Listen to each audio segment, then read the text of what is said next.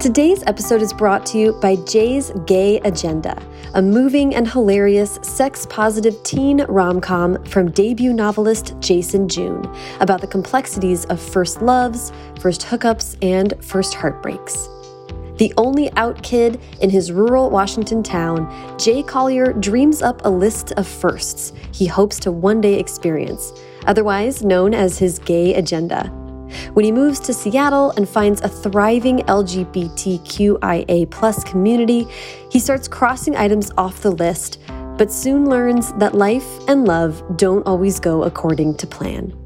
Jay's Gay Agenda by Jason June, perfect for fans of Sandhya Menon and Becky Albertalli, is out from HarperCollins now and available wherever books are sold.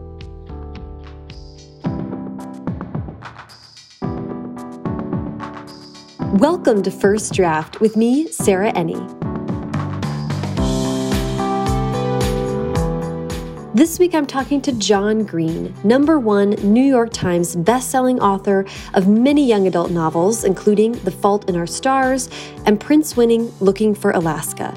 He's also one half of the Vlogbrothers on YouTube and co creator of educational series Crash Course. He joins us today to talk about his new essay collection, The Anthropocene Reviewed. I really, really loved what John had to say about contributing to the language of illness, how this essay collection, which is based on his popular podcast of the same name, sort of accidentally came together during the global pandemic, and on laying down his shield of irony to reckon with the world as he finds it. And he gives First Draft listeners an exclusive new review of the ill fated European Super League. If you'd like to support First Draft, a quick and easy way to do that is by subscribing to the podcast wherever you're listening now and by leaving a rating and review on Apple Podcasts. You can always go to the website, firstdraftpod.com, to check out the show notes for this episode and every episode, which has links to everything that John and I talked about. These, uh, these show notes are really fantastic, so definitely check those out. First Draft is an affiliate of bookshop.org, so when you buy books through the links on the website, it helps to support the show and independent bookstores at no additional cost to you. You can also sign up for the First Draft newsletter at the website to make sure you never miss an episode and to hear about news and upcoming events. I'm also so excited to announce that First Draft merch is now available on the website. Go to firstdraftpod.com and click on shop to see new t shirts, sweatshirts, dad hats, notebooks, mugs, and more. Every purchase helps keep this show running. And first draft merchandise is proven to make you appear more rested and better read. That's just science. Okay, now please sit back, relax, and enjoy my conversation with John Green. Hi, John. How are you doing today? I'm doing well. How are you? I am doing so well. I'm so excited to talk today. I had the pleasure of talking to your brother last summer when his book came out. So I feel like I'm getting the whole green crew in here, which is exciting. yeah, I listened to that podcast. I learned oh. a lot about Hank. So it was cool for me. oh, that's great. I love that. Um, okay, so I have a typical way that I lay out um, interviews for my show, which is I kind of walk people chronologically through their career. You're an extremely challenging person to interview because you have already been asked just about every question under the sun, and you have plenty of platforms with which to give your opinion on everything under the sun. So I'm actually going to do a little bit of a different structure with this interview, which is use the Anthropocene reviews as a way of looking at the, the course of your life, and we're going to see how it goes. Great. I love it. It sounds awesome. All right. So, in order to make that work, we're going to start uh, with a pitch for the book. So, do you mind telling us about the Anthropocene Reviewed? Uh, this is where you're going to find out how incredibly bad I am at book pitches. um, this, this, is why I, have never been able to like write a concise query letter. I never, when people at a cocktail party ask me what my book is about, like I'm still talking when they walk away. Um, the Anthropocene Reviewed is a collection of essays about how it felt to be alive for me in this time, seen through the lens of things I care about and find interesting, from viral meningitis to the movie Penguins of Madagascar to the bird species, the giant Canada goose. awesome. I think that was, that was good. Um, yeah, I mean, I think we both know that it, it, it could stand to be improved upon. uh, I won't rate it, but uh, do you mind just for my listeners explaining what the Anthropocene is? Yeah, that's another thing that maybe I should have if we're going to get to the advice portion of the program, give your book a give your book a, a, title that people can spell, and give your book a title that people can pronounce. Those are two like really essential things in a book title. Um, the Anthropocene is a proposed term for the current geologic age when humans have become not just the dominant species on the planet, but such a geologically significant force that you know we're reshaping the climate of the planet, we're reshaping its biodiversity, and we're making very large, lasting interventions into the landscape itself. And so it's not a settled term, like not all geologists agree that we are living in the Anthropocene, but I find it to be a helpful lens through which to try to make sense of this weird historical moment when we are hugely, hugely powerful, but not yet really willing or able to reckon in a deep way with that power. Yeah, yeah, and that's so helpful just to I think human centered planet is is the phrase that you use a lot yeah. and that was yeah, a really helpful way to frame how you are looking at everything through this essay collection, which is like such an interesting perspective on it. Okay, as I said, we're going to do the chronology, so I do want to just start at the very beginning, which is where were you born and raised? I was born right here in Indianapolis, Indiana, but my parents left Indianapolis when I was about two months old, so I have no recollection of it. My first memories are of growing up in Orlando, Florida, where I lived from the ages of uh, from three to until I was 15. And then I spent the summers in Orlando until I, I was 20. Okay. And what was, um, we're going to get to your writing in just a second, but I'm interested in what reading was like as a young person for you. How was that a part of your, your coming up? I liked reading a lot, and I was told that I was good at it. And so I leaned into everything I was told that I was good at because I was certainly, there were a lot of things in school that I wasn't good at. And so whenever someone would, a teacher or my parents would tell me that I was good at something, I would I would I would jump into it as deeply as I could. And the two things that I was told I was good at were reading and writing. And so I loved reading when I was a kid. I loved reading the Babysitter Club books. Those were my those were the books that mattered the most to me when I was an elementary school reader. Uh, I also read like Sweet Valley High and other series like that, but the Babysitters Club was the one that really connected with me very deeply. And then as I got a little older, I remember reading Fallen Angels by Walter Dean Myers, which I really loved. I remember loving Across Five Aprils. I remember, you know, reading books like uh, really sad books like Where the Red Fern Grows and really responding to them. Like I, I loved a tearjerker. And then uh, by high school, I was enjoying. I was lucky enough to be at a high school where we read really great books in English class. Mm-hmm. And so I read Toni Morrison Sula in English class, and we read Kurt Vonnegut, and I that's when I really fell in love with books. Oh, I love to hear that because often high school is a tough time for people, even if they become writers later on. A lot of yeah. people stop reading in high school because it's not fun stuff. yeah, and it feels like an assignment. It feels like you've been told to jump over this hurdle, and you're kind of at a stage in your life where you're like, I'm not going to jump over this hurdle unless you explain to me why. And often the rationale for why is not particularly compelling. Like mm-hmm. I do not find the rationale for like why high school students should read The Scarlet Letter to be particularly compelling. I think it's an important, a very important novel in American literature, but I also think there's a lot of things that 15 year olds can read, and there's world enough in time for the Scarlet Letter. But you know, mm. I was mm-hmm. in I was in English classes where we were reading contemporary literature all the time. We were reading Angels in America and lots of lots of contemporary books and and that made reading feel uh, exciting and vibrant and also helped me to understand that literature was not some cold dead distant thing. It was something mm-hmm. that was unfolding all around me. When i was in high school toni morrison won the nobel prize. She won the nobel prize while we were reading song of solomon in class and so oh, you know cool. for me it was really alive and exciting. Oh, i love that. I want to talk about your teenage life in a few ways. Also before i get into it i'm going to say the rating when I mentioned the reviews. I hope that's okay. not like a spoiler. I don't know if we're no, dealing with. No, no, it's not a spoiler okay. at all. And in many cases, I will myself be surprised. Okay. because I, yeah. I, I don't remember a lot of the ratings, and some of them I might disagree with because it's been a couple months. Love that. Um, okay, I, I want to talk about your teenage life in a few ways because like like me you've spent a lot of time mining that age category in your work and also like me it seems like a lot of your internal work as an adult is kind of measuring to and against the person that you were at that time. Yeah. And I want to first talk about creativity and the internet uh, because your cosmic timing and the Anthropocene means that the two have been somewhat synonymous for most of your life. And in the internet, which you rate three stars, you say that as a teenager you discovered the internet and were hired as a CompuServe teen forum moderator. And in the QWERTY keyboard, which you give four stars, uh, says uh, you wrote that as a kid in the early internet, I loved typing because no one could see how small and thin my hands were, how scared I was all the time, how I struggled to talk out loud.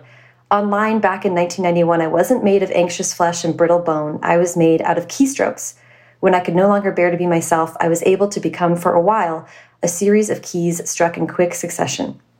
I first want to start by asking, you know, you say in there that that though you didn't go outside much during that time, you were making friends and reading and writing a lot. I want to hear about what you were writing at that time. I was writing little stories about silly stuff. I was writing sort of absurdist stories at the time. You know, like I that was right around the time when I first got into Kurt Vonnegut, and there were some quasi absurdist writers from the 50s and 60s that I was into there was this book called uh, there was this YA novel that I think is called YA novel that I was really really into back then, and so I was sort of writing these dot you know quasi Dadaist nonsense stories that were really fun and but but now I now I've I've reread them more recently and I'm like, well, unfortunately. Those are not good. it would be it would be great if they were, but alas, they are not. Um, but I was also uh, I was also writing because I was writing to my friends and I was writing you know I was writing uh, most of the conversations I was having at the time the first two summers that that the internet was in my house were written conversations because they were instant message conversations or I was posting on message boards with other kids and and that was a really creatively productive time in my life because I was discovering the pleasure of creative collaboration, mm. of you know working from other people's work, having people respond to my work. I mean, I remember thinking like that was so exciting when I would make some joke and somebody would make a joke based on my joke, like on the message boards. I would just, I, I mean, it was incredibly wonderful. I, I just, I felt I felt like I was contributing to, to, some, you know, great shared work of art. And yeah, it's just a huge joy for me uh, back then, and also a big relief because, like I said in that essay, you know, it was hard for me um, a lot of times in school, and I I really struggled to articulate myself or even to understand myself, like understand what was going on inside of me. And f- for me, writing has always been a way of, of of trying to figure that out, trying to understand, trying to map the stuff within, trying to give some kind of form to it, especially anxiety and um, and and the other kind of nameless abstract forms of psychic pain that that were such a big part of my life back then. And and part of the reason that they were they they occupied so much space in my consciousness was because I couldn't articulate them I couldn't find a form for them I couldn't under I I couldn't find language for them. And for me, I, this isn't true for everyone, but for me, that meant I couldn't understand them. Mm. And that made them much scarier because if you don't have the you know if you don't have the word anxiety or you don't have the the the, the phrase intrusive thought you you don't know what the hell is happening and it's mm-hmm. terrifying because you feel like you're not in control of your thoughts which is a pretty destabilizing position to be in so i think that's what i loved about writing back then, whether I was like writing stories or whether I was writing to friends, was it was a way to try to articulate this this teeming, you know, mass of thoughts and feelings that I, you know, really was struggling with. Yeah, I can relate to that. Um, that's like the power of language, right? Being able to name mm -hmm. a thing gives you some kind of box to put it in, and then you're not alone with it. Yeah, yeah. And also, once you have language for it, you discover that there are other people who can relate to it. And that, that becomes very helpful. Like I write in that essay about the internet about talking to a girl who I was friends with about this feeling that I called the night feeling, which is this feeling of dread and, and fear and nausea that would absolutely overwhelm me every night. And I, and in like confessing this to her, which I'd never talked talked about to anyone before, she was very generous and responded that she also knew this feeling. And that was such a gift to me because a big part of the feeling was thinking that I was alone in it. Mm-hmm. Yeah. And I'm interested in, you know, this is kind of like um, you say in there that, uh, and I don't have a lot of this is going to be me quoting you to you, but I didn't write this quote down, but it was talking about um, how, in some ways, the, because the people you met on the internet didn't know you, they got to know you better, which yeah. seems like this kind of continual dichotomy in your life. Like you talk in the book about how you're uh, you're not a big fan of crowds, but also on your YouTube channel every other week you get to talk to millions of people, but through the strange function of the internet, it's possible to do that while not exposing yourself too much. I'm just so interested in that kind of strange duality.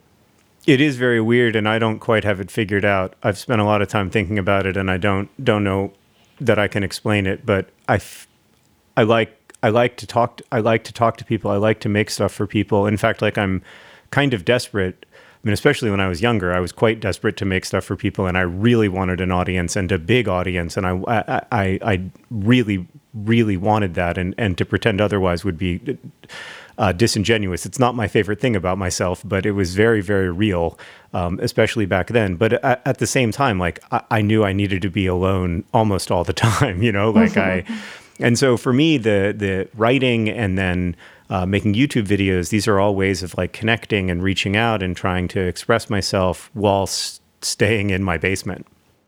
Yeah. It's just funny to think too, because you're able to do that now and it would not have been possible at almost any other time in history. Yeah, certainly not at this scale, right? Like when I, you know, when I was a kid, authors felt very distant. You know, like they felt very separate from their books, and my idea of an author was heavily influenced by Harper Lee and J.D. Salinger, and this idea mm-hmm. of, you know, authors who, after their their work gets exposed to a broad audience, feel like they have to retreat and feel like they have to, you know, live very separate from the world. Mm -hmm.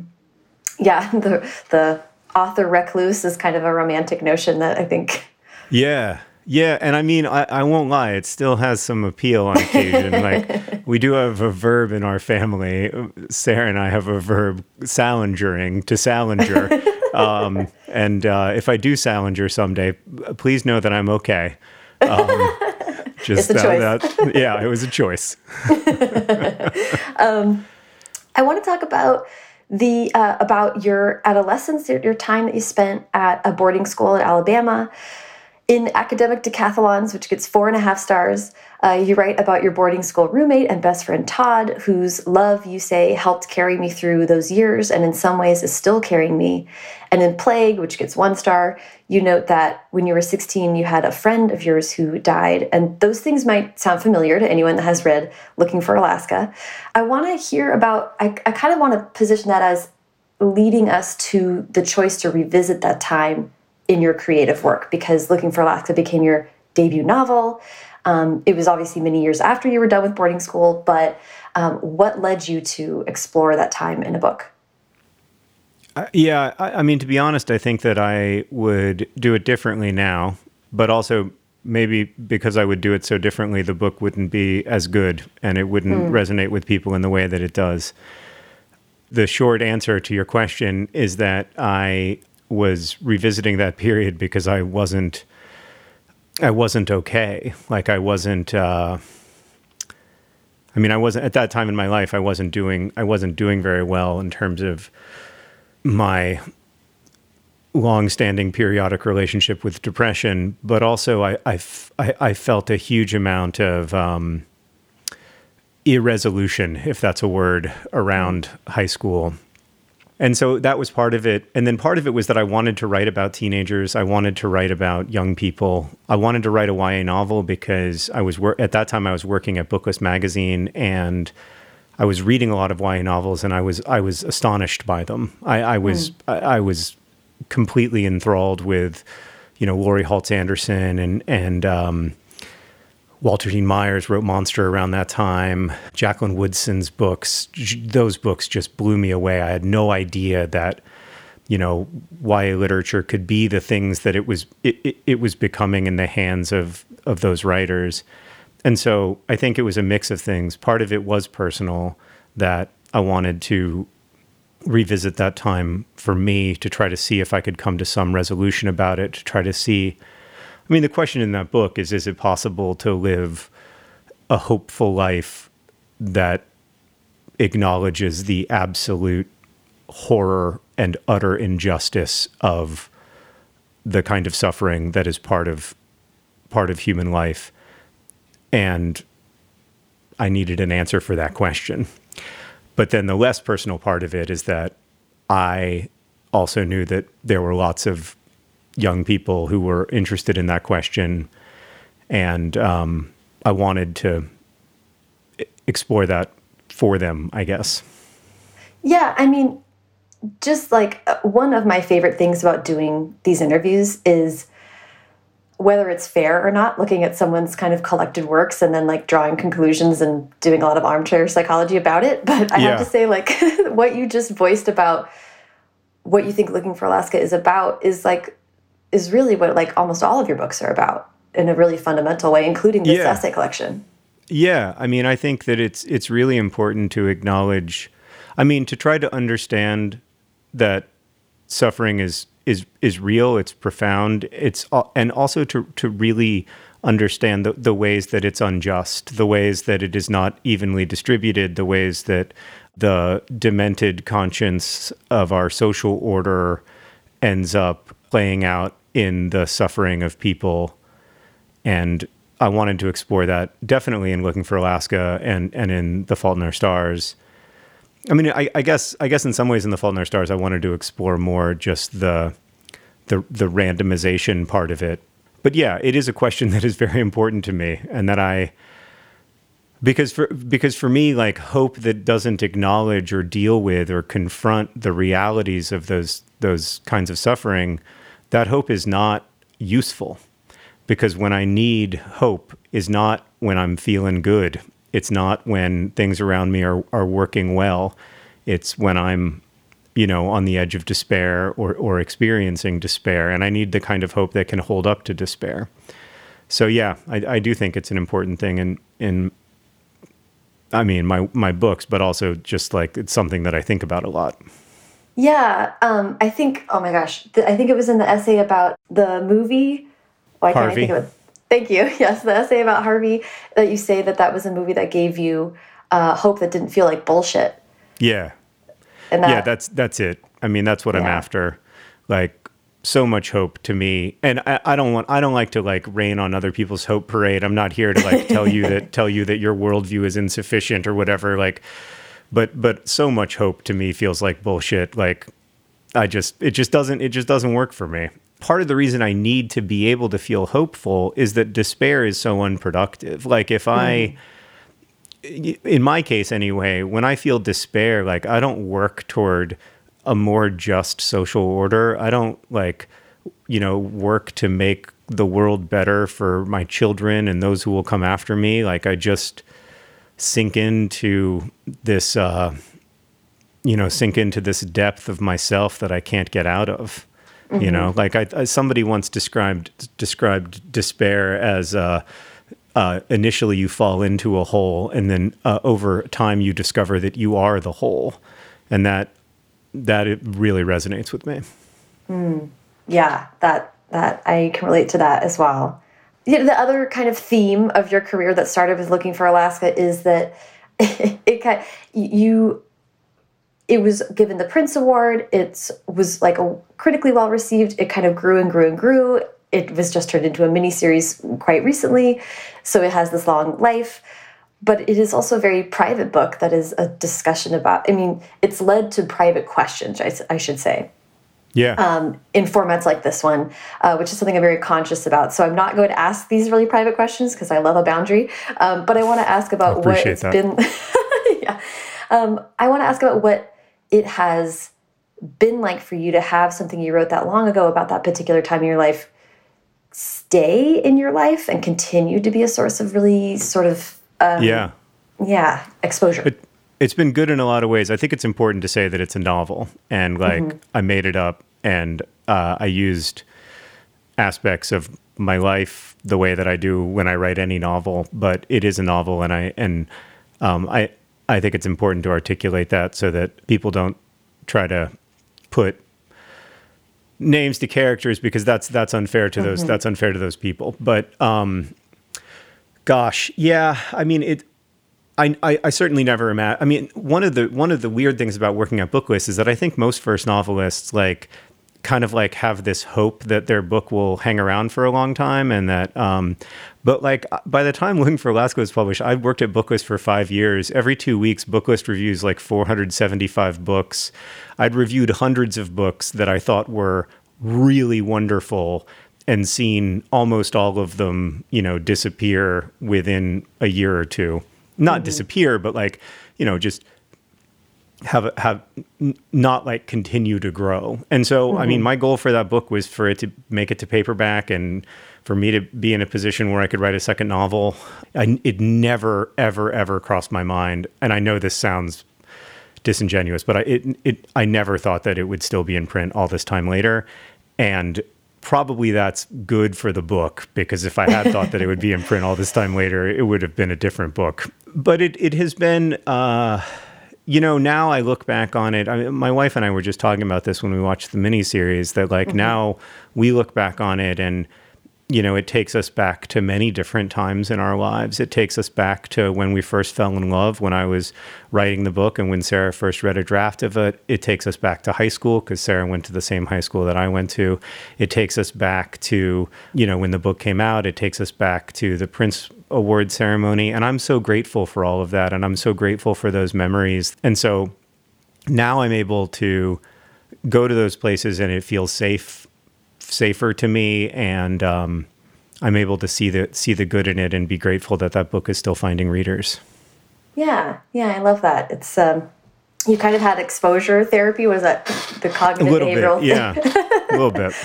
Uh, um, okay, this is this sounds kind of heavy, but I want to talk about illness really quick. Um, yeah, really quick. I want to talk about illness in a, in a um, in how it has played into your work and, and also your life again, kind of moving moving somewhat chronologically. Uh, in Plague, you say of your time working as a chaplain at a children's hospital, those months of chaplaincy are the axis around which my life spins. Yet it was after three published novels that you kind of delve into that experience in The Fault in Our Stars. I just want to know from the perspective of someone writing contemporary fiction what do you think had to happen for you to be ready to look at that time and to to delve into it the way that you did in that book? Yeah, I mean, I had I had tried to write about illness and the way that illness um, affects children for a long time, for ten years, and there are little pieces of The Fault in Our Stars that were written in 2000 or 2001, but the book didn't come out till 2012. So I, I mean, I was thinking about it and trying it the whole time. It was always what I would try each time I finished a book. You know, I would mm-hmm. be like, all right, I'm going back to this and I'm going to figure out a way into it. And I could just never figure out a way into it. I think partly because I was um, I was uh, centering myself a little bit. Like uh, um, there was always a chaplain character in these in these stories. um, that was a problem. That guy that guy, that guy needed to go. Um, and I think I, what I eventually understood is the reason that guy needed to go is because so many of the stories that we have about illness, especially illness in in children, are about the lessons that healthy people learn from sick kids, mm-hmm. and that is not what I wanted to write. Uh, I did not want to write a book where um, I did not want to write a book about healthy people. I do not think that sick people exist to teach healthy people lessons or that or that's you know or that or that kids get sick so that we can all um, understand that every day is a gift or whatever like i just don't mm-hmm. think that's i don't think that's how it works and so i wanted to write a book that didn't have really any healthy kids in it so that um, or any or any healthy non family in it so mm-hmm. that it couldn't be be that kind of book and so that that was I think that was the insight in terms of plot that was important. Mm-hmm. And then the other thing that happened is that I was friends with a young woman and her her parents and her siblings uh, who died of cancer when she was 16, and I was part of her Make a Wish, and that changed the book. I, I, I wrote I wrote a lot of the book in a you know a period of grief after that, and I I don't think that I could have I don't think I, I would have written the book if if I hadn't known Esther and her and her parents and and her siblings. Yeah, yeah. To your point, in the in in the Anthropocene reviewed reviewed, you talked about uh, which is a podcast episode that um, that uh, came out. People, I'll link to it in the show notes. You noted how tempting it can be to use illness as a metaphor yeah. or a symbol.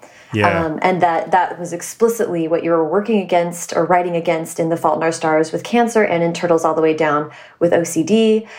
I'm so curious about what your experience of writing about illness was like in these essay formats because without the somewhat strict narrative structure of fiction, you can kind of you could kind of be a little bit more loose with it or a little bit vague or mm -hmm. more explicit almost about its sort of somewhat meaninglessness.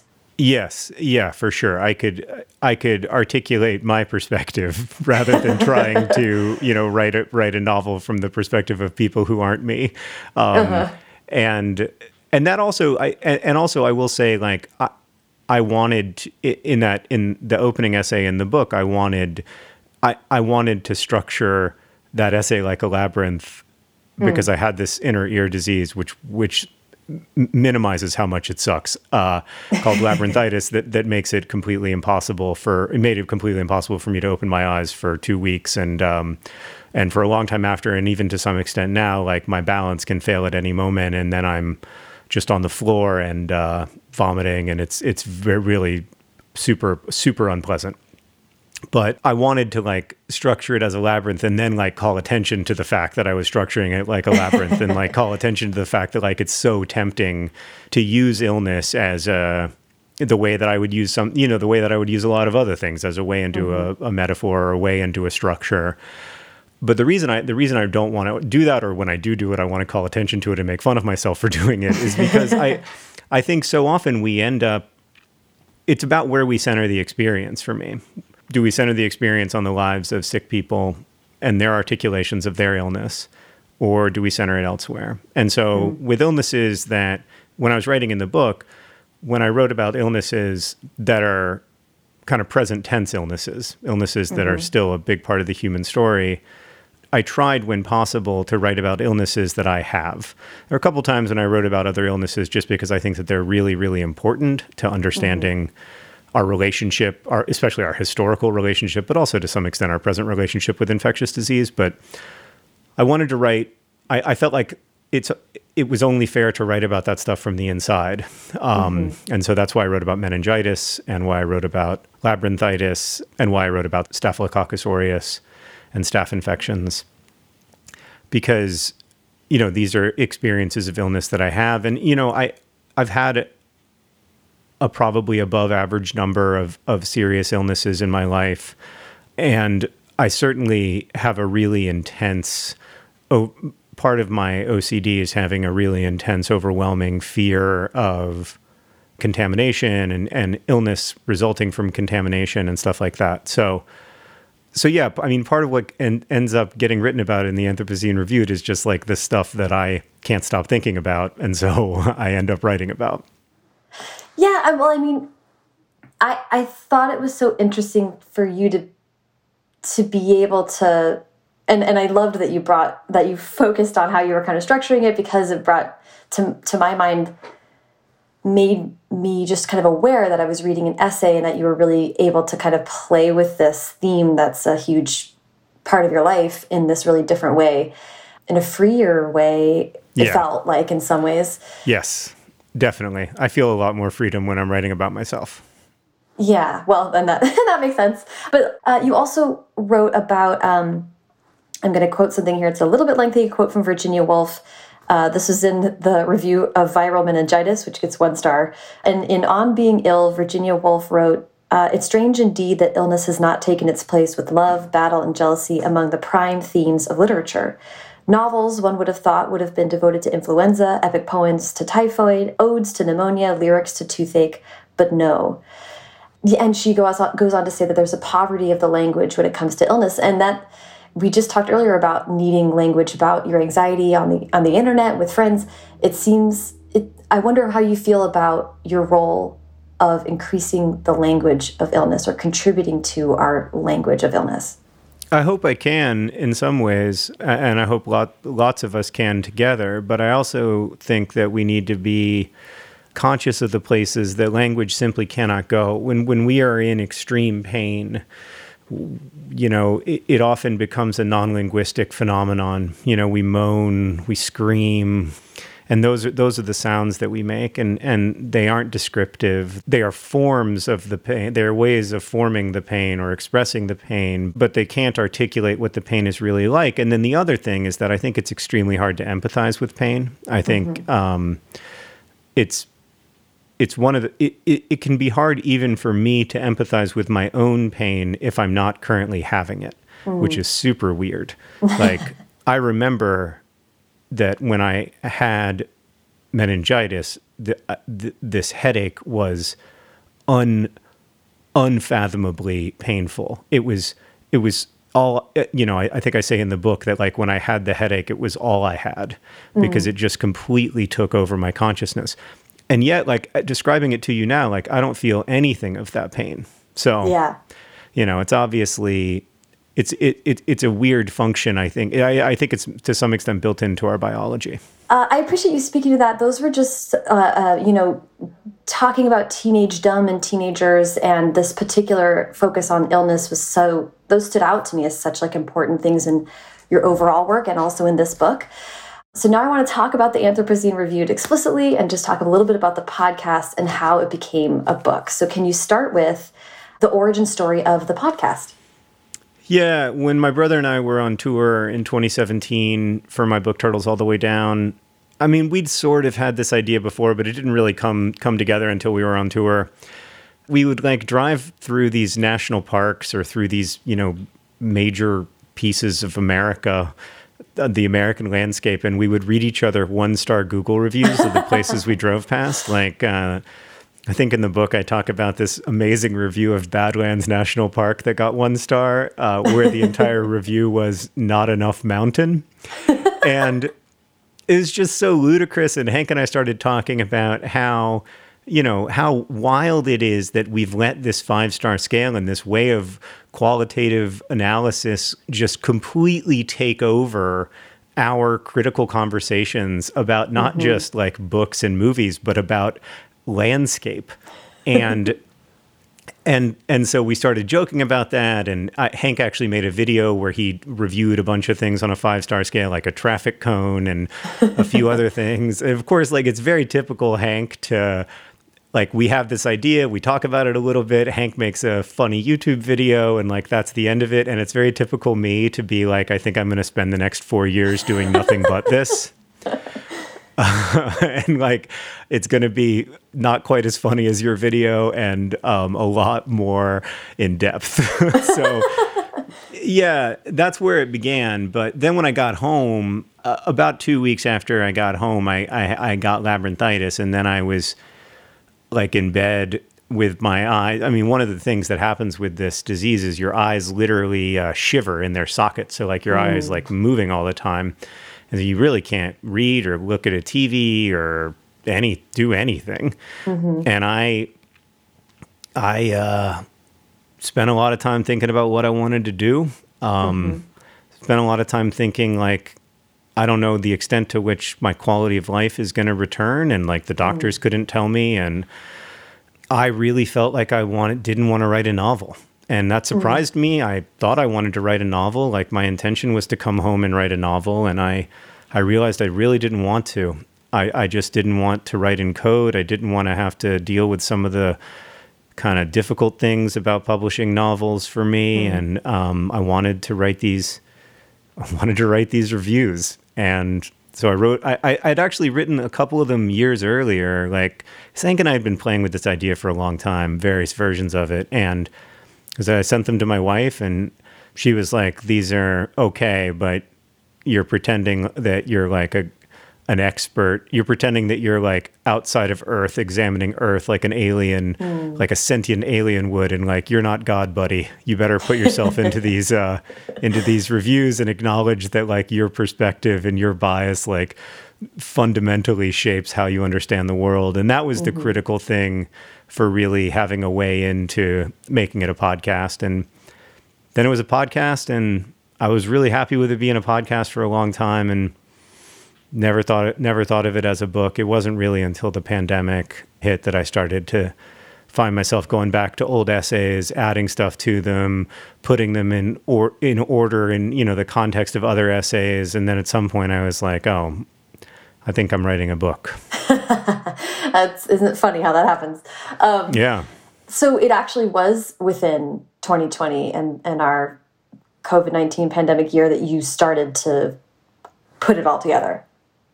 Yeah, it was in April that I okay. first started to think, oh well, maybe.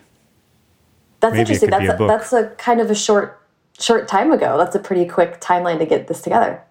Yeah, I mean, certainly by the, especially by the uh, standard, my usual standards of, you know, five to seven years. So, yeah, I mean, I I wrote a lot of it in a in in a kind of furious push, especially the rewriting of the old essays, and some of that rewriting I'd been doing just because I I fiddle, you know, like mm. just because something is done doesn't I can't stop working on it or fiddling with it or trying to like fix what I didn't like about it. And the weird thing about the podcast that I'd never really experienced before is that there are these monthly deadlines, mm. and so I would meet the deadline and I'd do the piece, but it wouldn't feel finished to me, and I wouldn't mm. be satisfied with it at all. So I would just kind of keep working on it and so that was, I think, you know, I'd done a lot of the writing um, before March of or April of 2020. But yeah, no, a lot of the book was written after that. Yeah, which which uh, had been a question I was going to ask was like what because a lot of the book does talk about uh, COVID specifically. Um, uh, the plague chapter, which I read a few times, is is one of the kind of standouts I think in the book because it really is tackling. It's such a essays feel um, timeless and immediate. The good ones do, and that this book was very much of a moment. Um, so, yeah. what was it like to be able to write about this while going through it? I mean, it, it was really helpful for me because so much of how I understand the world is through writing, and or, even understand myself is through writing. And so it was it was useful, I think, for me. But also, it was very strange because I've never you know like i've never written about current events like none of my none of like all of my books are essentially set in like an amorphous time you know like there's right. no nothing nothing happens in them historically you know um, and I, I i a lot of times i try to even i mean i, I did this I, I i've started to do this less as i've gotten older but like in the early ones i would try to like remove any sense of time, like remove mm. technology and minimize, you know, as much of that stuff as I could. And I started to think about that differently as I got older. But this was the first time I was kind of, I mean, I was writing the book until, I mean, I think the the the last parts, the the the intro and the conclusion, I was writing them in April. Um, wow. And the book came out on May 18th. So it was weird. It was very, very different and much, much, much more stressful than publishing on a on a novel schedule, um, and I, I, I don't think that that part I will do again. Yeah, that, I mean, it's such a unique. that's that's so interesting, and it, publishing can move uh, lightning fast when it wants to, and it can also take forever. yeah, I was I was saying that to. I mean, I've been very very lucky to have the same editor my whole career. So for almost twenty years now, um, she started editing Looking for Alaska, I think in two thousand three and I was saying to her that like the galleys for Looking for Alaska came out like 13 months before the book did. like the book was completely finished for a year and a half before it came out. And the Anthropocene Reviewed was finished for like five minutes before it came out. It was a very different experience for sure. Yeah, and I think it's somewhat, you know, as you say, like essays aren't news, but they are sort of best consumed in, you know, by your peers functionally, right? Like people who yeah. are experiencing this yeah. at the same time as you. Yeah, and I did want to write. I, I, mean, it was very important to me to try to write from inside of something because also, like a lot of my favorite books of essays do that. Like they're mm. they're inside of a time or an experience, and then and if you can read it inside that time or experience with them, it's in it's it's exciting and and really interesting. Uh, but even if you read it uh, much later, it's still reflective of that time. It can take you back to that time, but in a way that almost feels safer. Mm. Like uh, there's something about being able to go back to. Uh, I I think I say in the book that there's something about how how if I can go back to something after I've survived it, it feels so much more manageable to me. Yeah. Yeah. And and so I think I wanted it to be both. You know, I wanted it to be something like a, almost like a time capsule, even for my kids, to try to help them understand someday, like how it was for me and how mm-hmm. you know yeah. So the, I, I was thinking about all that. Yeah i mean in the book there's a lot of explicit discussion about what it means that we're inside of history and that history is not an inevitability which it can feel like when you just read stuffy textbooks. So in this way you are having your opportunity to create to to contribute your voice to how we remember this time. Yeah that's i hadn't thought of it that way but but i hope that's true. I, I mean the main thing that I would love for history to acknowledge more of is that the people who were living inside of it had absolutely no idea what was going on and it did not feel inevitable to them. And like, and I, it's, it can be hard to talk about that when we talk about these historical timelines because only one thing happened, but many things might have happened. And to the mm-hmm. people like to us right now, like, you know, we are we are hoping that we are very near the end of the pandemic in the United States, or at least that we'll see a dramatic reduction in disease burden in the U.S. over over the next year. And that is one thing that might happen, but there are also many other things that might happen. And it is precisely that uncertainty that is so flippin' difficult to live with.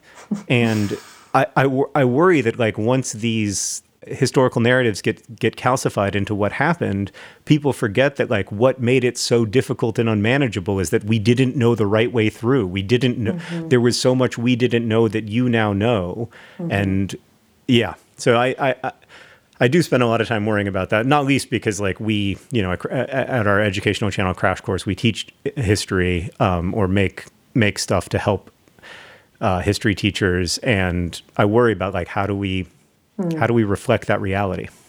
Yeah, yeah. The last question I have about the Anthropocene Reviewed is about the evolution of the rating system. So give me a second. This is a long question, but it's getting to the point. Uh, in The Hall of Presidents, which gets two stars, you write As a teenager, I began to define myself primarily by what I disliked, and my loathes were legion. And in Sycamore Trees, which get five stars, you say that as a teen, I reveled in nihilism, more than that, I liked being certain about it, certain that everyone who believed life had inherent meaning was an idiot, certain that meaning is just a lie we tell ourselves to survive the pain of meaninglessness. But in the introduction to the, the Anthropocene Reviewed, you write, It's taken me all my life up to now to fall in love with the world, but I've started to feel it in the last couple years. This is by no means a small question, but I'm interested in how I'm interested in that within the context of giving yourself permission to give five stars. yeah, yeah. So for the first like year and a half I made the podcast, nothing got five stars. And I mean, I don't really know why. Like I don't I don't have a good answer. After the I, I wrote an essay about the Lascaux cave paintings and my wife called me after she listened to it and she said, if you don't give the Lascaux cave paintings five stars, I'm not sure what gets five stars, but also more importantly, like I'm not sure that I can continue listening to your podcast. and and a friend of mine, the wonderful poet Katrina Vandenberg, also wrote me around the same time, and she was like, "You've really painted yourself into a corner here with this four and a half star business," and like, and and and she made a pretty compelling case that like while while the ratings are silly and they're not obviously like not the center of the of the project or anything, that like you're you know like what you're trying to do is you're trying to protect yourself from saying that anything is perfect or saying that anything is lovely. You're trying to like you're trying to keep up a little tiny bit of irony a little tiny shield of irony from trying to reckon earnestly with the beauty in the world. And maybe part of that was because i was thinking gosh if i if i you know, if I open myself up to the beauty of the world, it might feel like I'm somehow dismissing or minimizing the injustice in the world. Maybe part of it was me feeling like, you know, gosh, when you're earnest, when you're really earnest, when you really drop everything and and you make yourself vulnerable to beauty and you talk about that honestly, people might make fun of you, you know? Like people might say it's cringy and they might say it's like a little lame. Because it is, Mm-hmm. it it kind of is. Like it kind of is a little cringy. I get that. I get why people feel that way especially and i know i felt that way when i was young you know?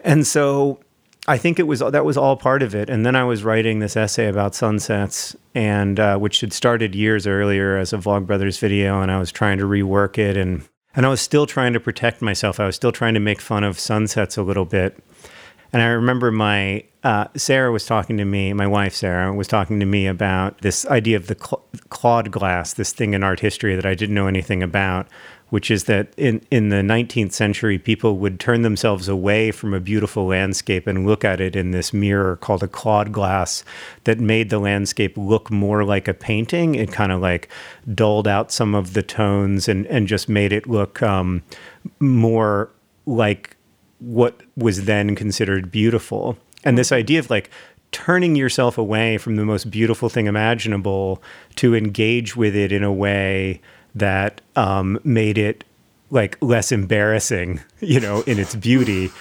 really struck me. And I was like, that's what I've been doing this whole time. Like, not just this whole time writing this, th- these, these essays, but like this whole time since I was 12 years old and I need to turn around and I need to look at the mm-hmm. sunset and I need to acknowledge that it is phenomenally beautiful and the fact that it is cliched in its beauty and the fact that it has been beautiful for a long time and that lots of other people have commented on its beauty doesn't matter. It's enough. It's beautiful. And so I did. I tried to for the rest of the the podcast and also for the rest of the book, the way the book is organized, I tried to lay down that shield of irony that I that I keep up all the time, and I try to just reckon earnestly with the world as I find it, and to celebrate what is really really wonderful and beautiful about it, which is a lot. There is a lot here that is beautiful. There is a lot of wonder to find. There is so much awe to experience. I just need to do the work to experience it. I love that. Yeah. It was a cool experience for me because I was, I listened to all of the podcast episodes um, before I got the chance to get an early copy of the book and then listened to the book all while packing up one apartment and moving into this new place. And so I was at Home Depot, I was in my car, I was painting, and like, so then to listen to the podcast and then to get into the book and see what had changed was so interesting. And then uh, at the end of Sunsets, when you decide to have five stars, uh, I was uh, sorry.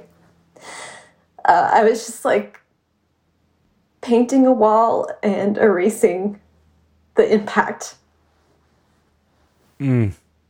that I had on this apartment. And that contrast was awesome. It was really hopeful for me. Oh, that's so lovely.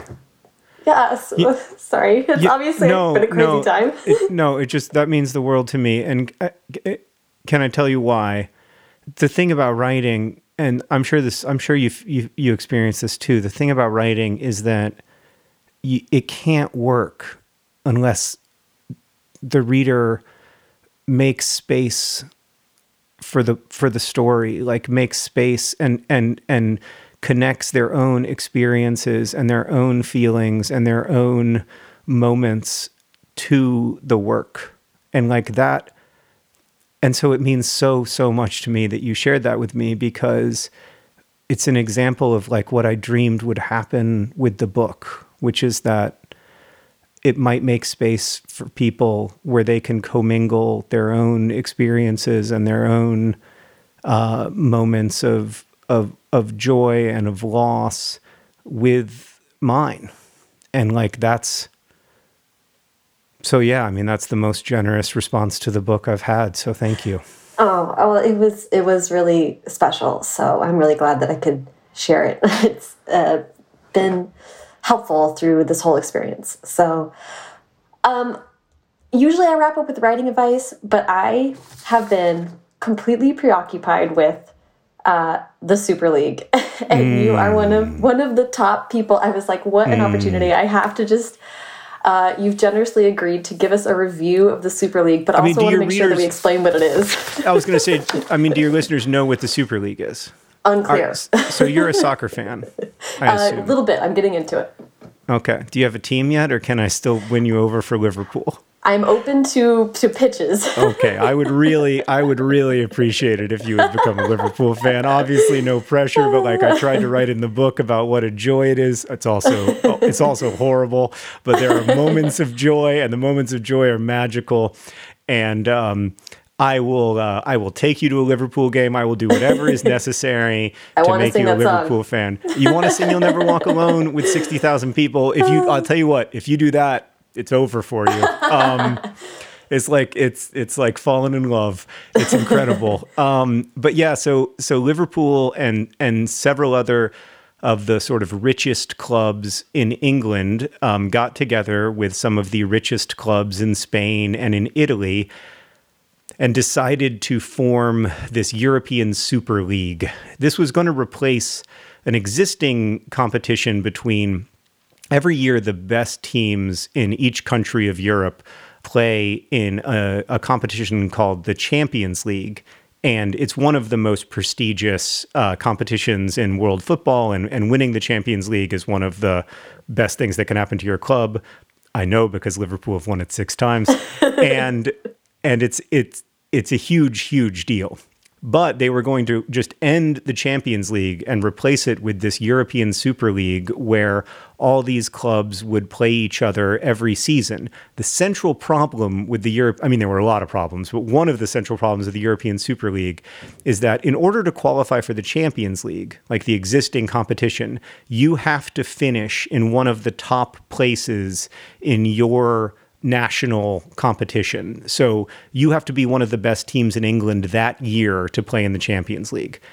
The idea of being able to play into a competition and not buy into a competition is the main thing that makes European football different from American sports franchises. Mm-hmm. Now, in a way, you can buy your way in because, like, there are clubs with billions of dollars that spend billions of dollars on players, but there are still always surprises. Uh, in the Champions League, there are always clubs that somehow find a way to go on a run, and that's what makes the sport amazing. And you should not be able to have a situation that a club cannot get relegated or or cannot fail to qualify because then it's just like baseball where if your team doesn't make the playoffs nothing bad happens they just get mm. to go and try to make the playoffs again next year one of the things that makes football so magical for me is that there is real peril all the time you know, I, I follow a club in the third tier of English soccer that uh, my brother and I help sponsor. And this year they they survived in their league by only two points out of the whole season. And so if one or two games had gone differently, they would have been relegated to the league below. I didn't enjoy that process, you know, like I, I, didn't, I didn't relish that experience. Um, but it is because of it is because of peril. It is because of you know you have to play your way in uh, that that we love the game. And the European Super League tried to take that away from us and tried to make football into something very similar to American sports. And people hated it, and rightly so. And it was it was a great reminder that billionaires think that they own these assets and in some ways they do, but the power of the people is always greater. Fans decide. Fans still have a lot of control and say in these clubs, and they need more say. And the the steps that we need to take are not steps toward billionaires having more control over their football club assets, but fans having more control over their clubs. So I give the European Super League a solid, unambiguous single star, putting it right on par with viral meningitis. and the plague. and the plague, yeah. It's just right there at the bottom with a bunch of other things that are utterly horrible. Ah, I love that. It's been a total. It was a it was a triumphant, weird, short seventy two hour story that I just can't get enough of. So oh, it was incredible. Yeah, I mean, yeah, it was nuts. wild, wild story. Um, this has been such a pleasure, John. I so appreciate your time this morning. Thank you so, so much for having me. This was really lovely. And again, thank you for those really kind words about that essay. It just means the world to me. Again, please consider Liverpool. I will, absolutely. Bye, John. Take care.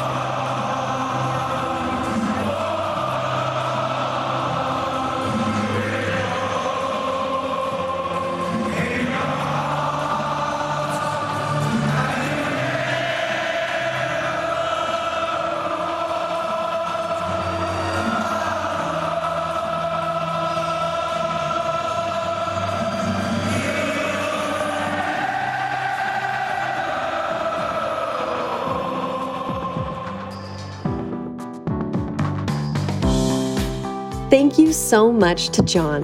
Follow him on Twitter at John Green and on Instagram at John Green Writes Books, and most reliably over at YouTube with the Vlogbrothers. You can follow me on Twitter and Instagram at Sarah Enni and the show at First Draft Pod. Thank you again to our sponsor for today, Jay's Gay Agenda by Jason June, which is out now from HarperCollins. Like I mentioned at the top of the show, leaving a rating and review on Apple Podcasts is a great way to help support the show and help new listeners find us. And when you leave a rating, I get to shout you out in the credits. Uh, I'm going to read a recent review now. This was left by Becca Wirewill. Becca says, So much to learn. I love First Draft. Sarah is such a natural interviewer and does a great job leading conversations with so many different authors. I also loved the Track Changes series, where Sarah got into the publishing industry and how a story moves from an idea to a published book. So much to learn. There is so much to learn, Becca, and I'm so glad that you found some helpful tidbits in the Track Changes series.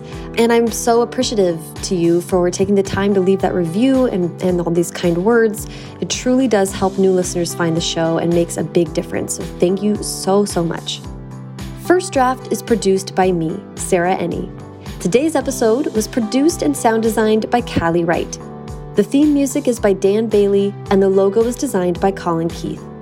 Thanks to social media director Jennifer Nkosi and transcriptionist at large, Julie Anderson. And as ever, thanks to you, five star Anthropocenesters, for listening.